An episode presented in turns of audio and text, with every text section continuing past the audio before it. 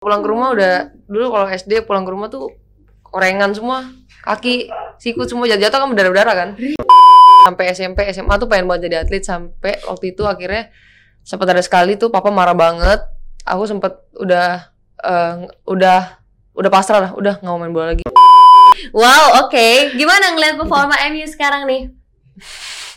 rame banget ya pokoknya setiap kali MU main Instagram aku rame pasti Instagram kamu pasti Iya. ramai ya. Jadi kamu setuju untuk Oleh diganti atau enggak? Kayaknya udah saatnya deh.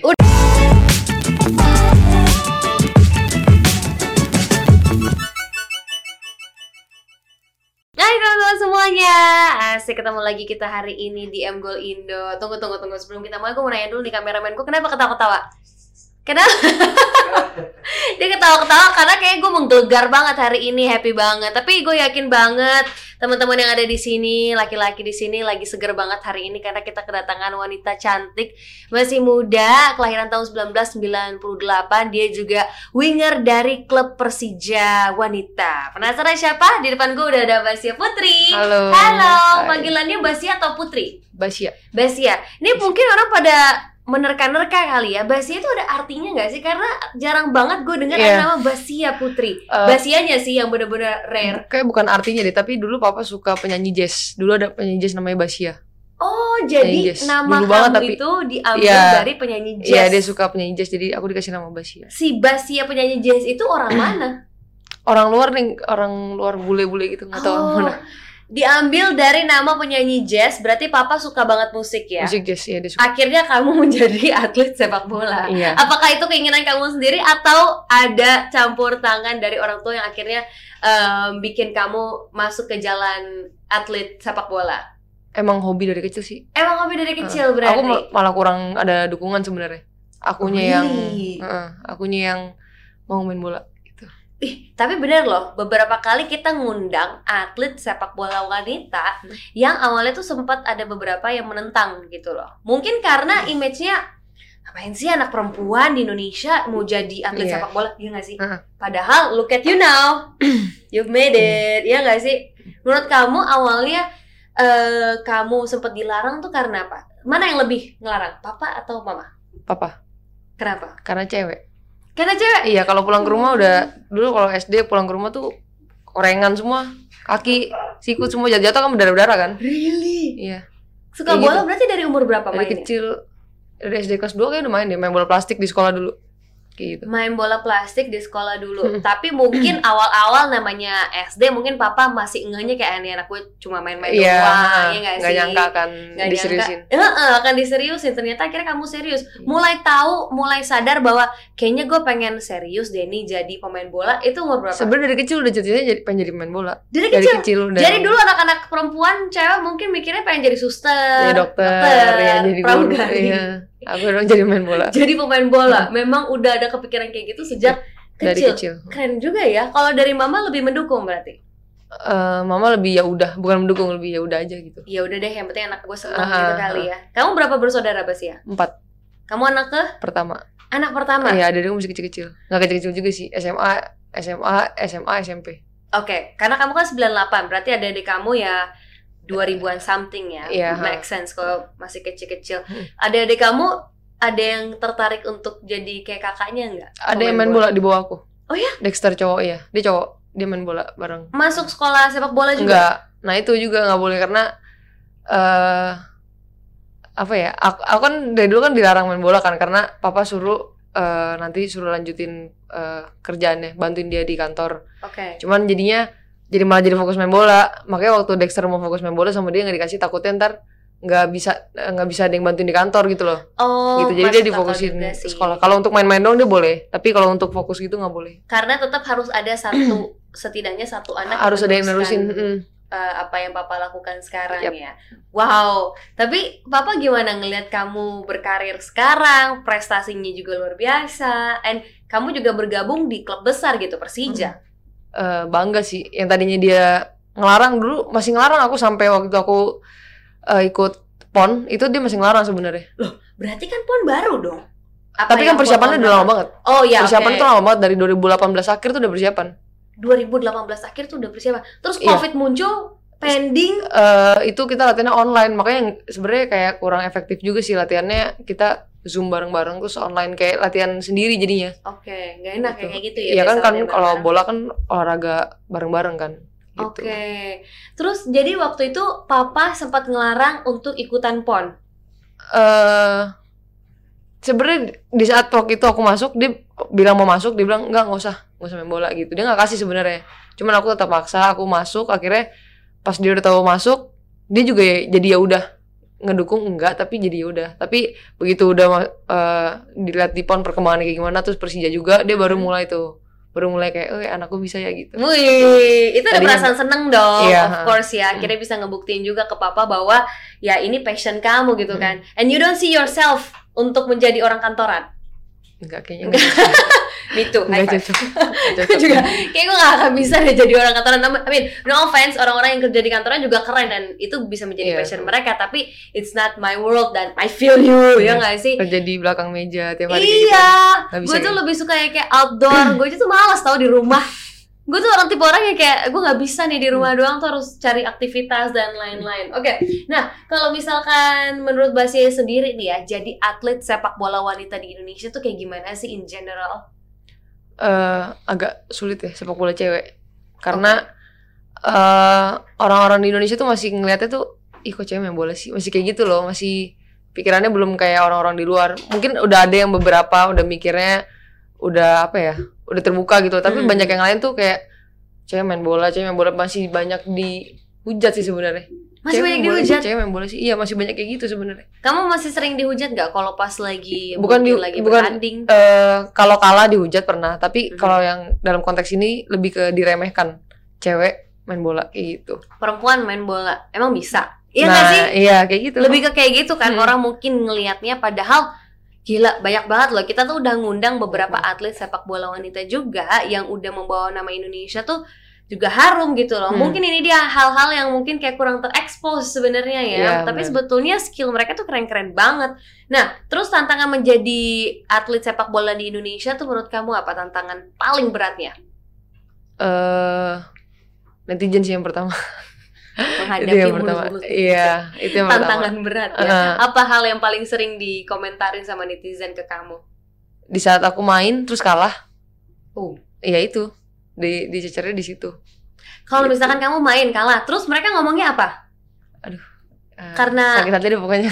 Salah satu yang menurut kamu kayak ah, anjir nih nggak make sense banget, masa gue dibilang gini nih? eh apa ya biasanya sih dibilang udah jadi kar- karena karena mungkin punya look yang oke udah jadi model aja nggak jadi pemain bola digituin sering banget sering banget iya Kamu tertarik gak untuk jadi model? enggak ya maunya main bola Mau yang main bola terus disuruh orang jadi model, terus dia siapa gitu ya? iya makanya Wow, tapi iya loh, beberapa juga sempat curhat ke aku, bilang bahwa mereka sempat dibully karena they are very active in social media. iya karena ada main TikTok juga kan Iya, itu tuh waktu kemarin kalah juga eh, udah makanya jangan kebanyakan joget gitu Sumpah, banyak yang bilang kayak gitu. Ini tuh salah kaprah banget sih. Maksudnya jangan ngomong kayak gitu netizen. Karena nih ya dulu gue sempat bawain program tenis. Hmm. Nah komentator aku tuh bilang kalau mau lihat update paling update tentang si atlet tersebut follow Instagramnya si atlet itu. Karena atlet-atlet tenis luar negeri Djokovic, Naomi Osaka, bla bla bla you name it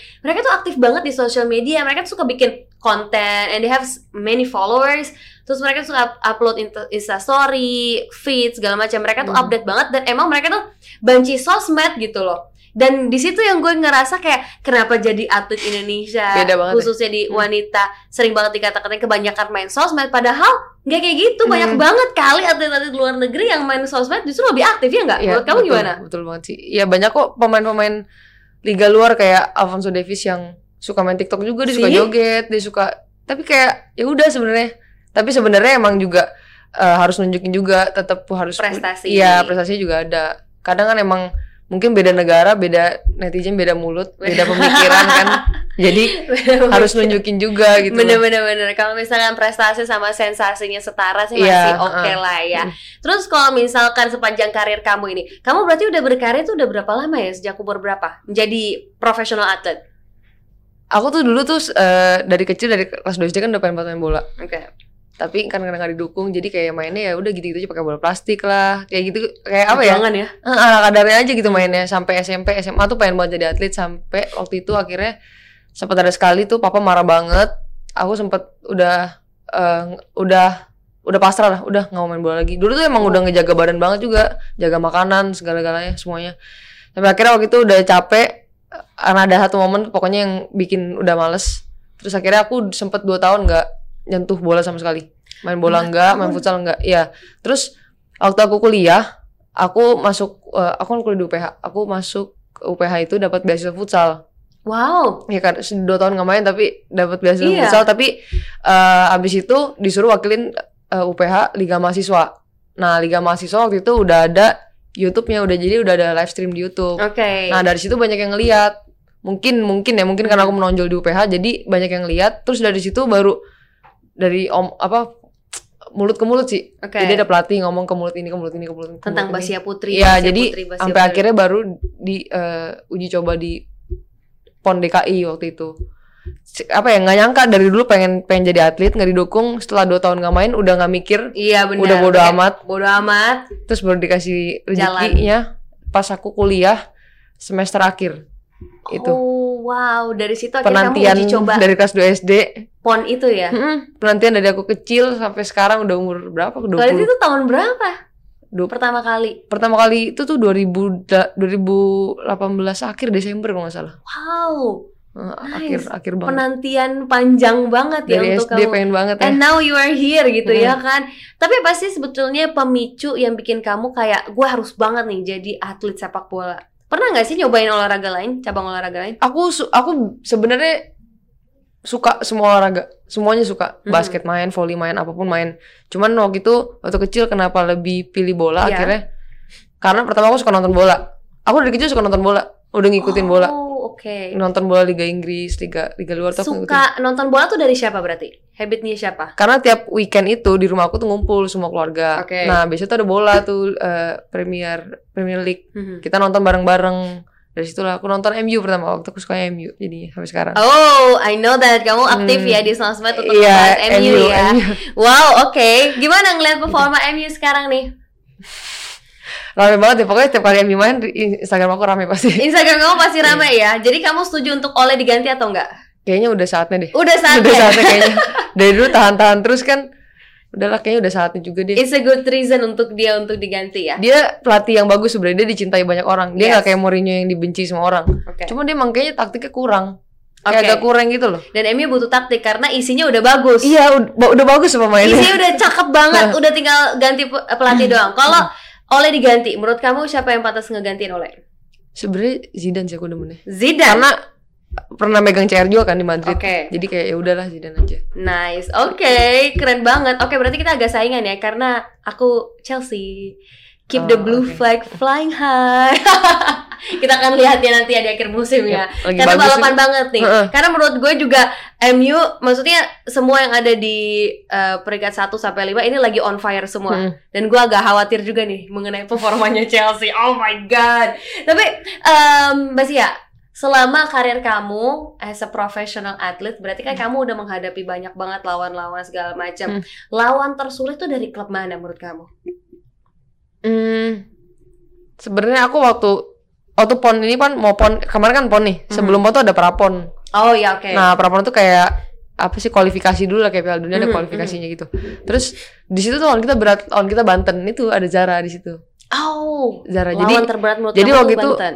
jadi waktu itu eh, kita tuh satu pool bertiga. Oke. Jakarta, eh, Jakarta, Banten, satu lagi Sumatera apa? Sumatera, Sulawesi kita Oke. lupa. Nah lawan terberatnya mau Banten. Nah dari tiga ini kan biasanya kalau grup kan diambil dua kan. Ini diambil satu. Jadi mau nggak mau harus menang dua-duanya. Betul. Jadi dua-dua pertandingan ini hidup dan mati nih dua-duanya. Jadi ini, for- ini format baru dong. Enggak ini yang kemarin pas prapon. Oke. Jadi karena kenapa ada kualifikasi karena kan emang di Papua kan kurang memadai kan fasilitasnya Oke. semuanya. Jadi dibatasin setiap eh, sepak bola putri dibatasin cuma ada yang boleh datang tuh lima Mhm. lima provinsi. Nah kita ngerebutin lima tiket itu gitu. Lawannya Banten. Di Banten itu tuh ada Zara, ada Kaudoy, Kaudoy tuh Rani Mulyasari tuh dulu Berat kapten ya. timnas. Pokoknya tuh senior senior timnas di situ semua. Hampir kayak 90 persennya. Jadi tuh mereka main jago-jago banget. Dan kita DKI Jakarta itu pemainnya umurnya 15, 16. Bahkan Oh, ada yang banyak 14 pemain tahun ya. muda Iya masih kecil-kecil banget, masih kecil-kecil banget, masih ada yang SMP kelas 3 waktu itu. SMP masih- kelas 3. Iya masih kecil. Sampai sekarang dia akhirnya udah SMA tuh. Uh, tapi akhirnya gimana sih Basia? Karena jujur kalau untuk PON sepak bola wanitanya aku kurang ngikutin. Jadi kemarin akhirnya gimana tuh? Akhirnya DKI kabarnya DKI kita kalah di perebutan juara 3 Oh. lawan Belitung. Padahal Belitung itu satu pool sama kita. Mhm. sebelumnya pas di pool kita menang Sempet lawan dia. Ngalahin mereka. Ngalahin dia. Kita kalah. Kayaknya emang. Soalnya di Papua kan eh, suhunya cuacanya tuh panas banget. Oke. Jadi- ada faktor cuaca juga iya ya. dehidrasi banget. Terus eh, kita tuh pas yang main lawan Belitung itu perebutan juara tiga itu pemain-pemain tuh udah udah kayak apa ya? Banyak banget pemain itu yang udah sakit panas demam udah kayak gitu Oh, pemain ini. Jadi waktu kemarin akhirnya eh, jadi di nggak full squad sebenarnya nggak Oh, nggak full tim Pakai lapis keduanya mungkin Eh, ya. ada beberapa pemain yang itu Wow. gitu udah banyak yang sakit kecapean Tapi apa kesimpulan apa yang bisa kamu ambil dari kekalahan kemarin untuk perbaikin ke depannya? eh lebih banyak latihan sih sebenarnya kita gara karena itu juga karena kan covid paling gede kan di Jakarta Oke. sedangkan waktu di saat covid kita Jakarta lapangan nggak boleh buka kita nggak bisa latihan Hmm. sedangkan mereka mereka yang kayak di Belitung kan nggak nggak Masih nggak bisa masih bisa latihan. mereka yang dari daerah lain masih bisa latihan kita nggak bener-bener nggak bisa latihan berapa tuh satu tahun setengah Wow. Persiapan yang panjang tapi at the same time gak proper juga karena Hmm. adanya Covid Hmm, gitu ya. iya Wah, Oke oke oke. Tapi kalau eh, menurut kamu dalam sebuah pertandingan hal apa yang paling penting menurut Basia? apa yang chemistry sih Chemistry antar tim. hmm, satu tim Did you get the chemistry kemarin waktu di PON? Iya, iya dong kan udah latihan lama. Mhm. Cuman ada gap satu setengah tahun itu nggak latihan bareng, kayak udah miss aja. Ada beberapa yang miss. Yang Pasti tadinya sih. ingat oh tadinya pemain ini kalau main kalau dia main gue harus ke sini nih gue harus ke sini udah tahu posisinya dia Oke. bakal uh, passing boleh kayak gimana. Jadi udah karena udah lama nggak latihan nggak tahu kayak gimana kayak gitu. Oke, jadi sebetulnya ada missnya juga karena COVID ini, Hmm. tapi ya semoga untuk ke depannya bisa menjadi pembelajaran juga untuk for you and the whole team Iya, gitu kan. betul. Terus ada hal yang kamu ingin capai nggak dalam eh, ke depannya? Aku sih targetnya yang nggak yang dulu tuh pengen banget main di luar sebenarnya targetnya main main di klub luar Kalau main di klub luar, waktu itu kamu mikir pengen ke mana? di MU dong Oh di really? MU dong pengen masuk Kamu ke akademinya Inggris? pengen Oh, masuk iya. akademinya Terus apa? What stop you? Ya itu yang karena waktu itu kan sempat ada momen yang sama, sama papa itu Oke. kayak udah udahlah udah capek juga udah capek ngelawan juga udah udah, udah stop aja main bola Hmm. dari situ udah kayak ya udah tapi sekarang kan karena baru dikasih rezeki sekarang nih sama Tuhan kasih jadi atlet cuman karena umurnya udah aku udah 23 Mm-mm. sedangkan yang lain tuh masih 16 masih 17 kayak udah beda gitu loh kayak aku udah senior kan sebenarnya tapi baru mulai. Oke. jadi kayak yang gak mulai aku pengen timnas aja. Nggak usah target di luar tapi timnas. Oke, tapi kalau memang ada kesempatan masih bisa nggak sih kalau bisa bisa kamu bisa. itu? Bisa. Banyak kok timnas ada yang 30 kalau main di MU oh misalkan kamu oh kalau di MU iya. nah kalau di MU tuh emang kalau di luar negeri tuh ngeliat umur banget. Oh itu dia. Persaingan umur beda satu tahun tuh ketat banget kalau jadi di luar kamu negeri. jadi kalau misalkan untuk sekolah sepak bola di sana di luar gitu harusnya umur berapa startnya? Jadi atlet-atlet di luar itu dari kecil tuh udah udah sekolah bola. Iya. udah udah nggak nggak yang sekolah kayak kalau kita kan masih sekolah sekolah biasa dia emang sekolahnya udah sekolah bola dari kecil. Makanya jadi jadi jadi beneran jadi atlet pas udah gedenya. Jadi kayaknya dari umur banyak kok dari 9 tahun 10 tahun tuh udah, aku Udah akademi. udah akademi udah masuk akademi kayak gitu. And now Iya. it's like too late lah sebetulnya ya untuk bisa iya. Ngambil sekolah di sana. Cuman kan rezeki nggak ada yang ya. tahu ya benar Nah. rezeki nggak ada yang tahu dan ya you are here anyway. Kamu Hmm. men- eh, melakukan apa yang kamu suka sekarang ya enjoy the moment dulu iya nggak sih? Tapi kenapa sih aku bingung deh orang atlet-atlet Indonesia kadang kalau misalnya ditanya salah satu eh, cita-cita mereka adalah pengen untuk sekolah ngambil sekolah sepak bolanya itu di luar negeri. Emang kenapa kalau di Indonesia menurut kamu? Hmm, gimana ya kalau kalau di luar negeri mungkin beda nggak sih orang-orang di Indonesia tuh masih ngeliatnya tuh masih kayak dari kita lihat dari fansnya aja udah kayak gitu, maksudnya bisa ribut gitu loh, oke. Kayak gitu loh dari pemikiran orang Indonesia nya tuh yang masih ini, terus juga eh mungkin juga masih ada beberapa klub yang kayak kayak gaji nunggak kayak gitu loh, uh mungkin ya mungkin kayak. Indonesia tuh nggak semaju di luar intinya bolanya, gajinya kecil misalkan. Mungkin, tapi contoh. sebenarnya nggak kecil-kecil banget sih sekarang, udah udah oke sekarang udah udah mulai udah mulai Oh ya? oke sekarang udah mulai oke kalau menurut aku ya Aha. dibanding dulu dulu kan banyak banget tuh kasus nggak digaji nggak digaji sekarang kan Heeh. udah jarang banget terdengar kan yang kayak Bener gitu bener bener. Oh terus sekarang gajinya mungkin juga udah mulai oh udah oke kok sebenarnya dari segi gaji oke. Cuma Hmm. why not kalau misalkan emang bisa bisa Eh, main keluar main keluar. Nah, yang Dan itu lebih kan hmm. setidaknya ngebanggain Indonesia juga nggak sih ada Hmm. atlet Indonesia yang bisa main di Hmm. luar itu kan bagus gitu Hmm. ya. Oke kita move on dikit nih dari eh, tentang eh, gimana perjalanan kamu, perjalanan karir kamu. Karena aku penasaran banget. Pasti netizen juga penasaran tentang kisah cintanya Basia.